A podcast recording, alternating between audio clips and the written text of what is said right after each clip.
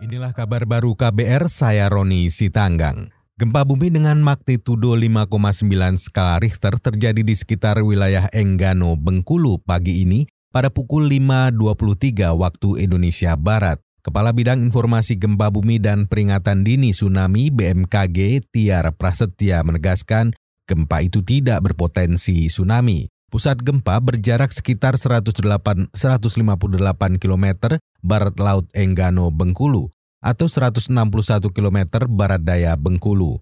Pusat gempa berada di kedalaman 10 km laut.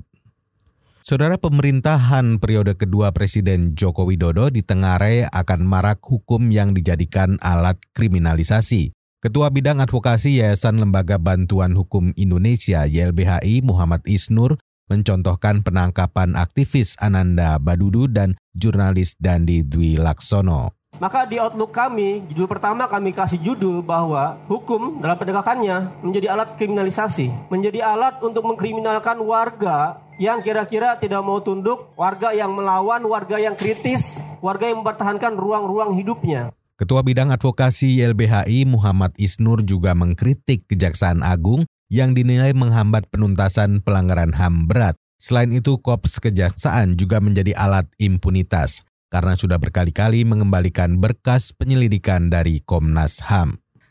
Menteri Keuangan Sri Mulyani optimistis pertumbuhan ekonomi di kuartal 3 tahun ini tembus lebih dari 5 persen. Sedangkan prediksi pertumbuhan tahun ini adalah 5,1 persen. Keyakinan pertumbuhan ekonomi itu antara lain karena harga pangan yang terkendali. Kalau konsumsi kita harap dengan adanya stabilitas harga dan kemarin bahkan ada deflasi, tentu kita bisa mengharap tetap uh, konsumsinya dalam posisi confidence-nya, indeks confidence dari konsumennya juga masih tutup cukup kuat. Jadi kita masih berharap akan tetap bisa terjaga di atas 5%. Menteri Keuangan Sri Mulyani menambahkan, kinerja ekspor dan impor yang cukup berat tahun ini berdampak pada pertumbuhan ekonomi. Apalagi ekspor dan impor termasuk dua komponen yang terdampak atas ketidakpastian ekonomi global.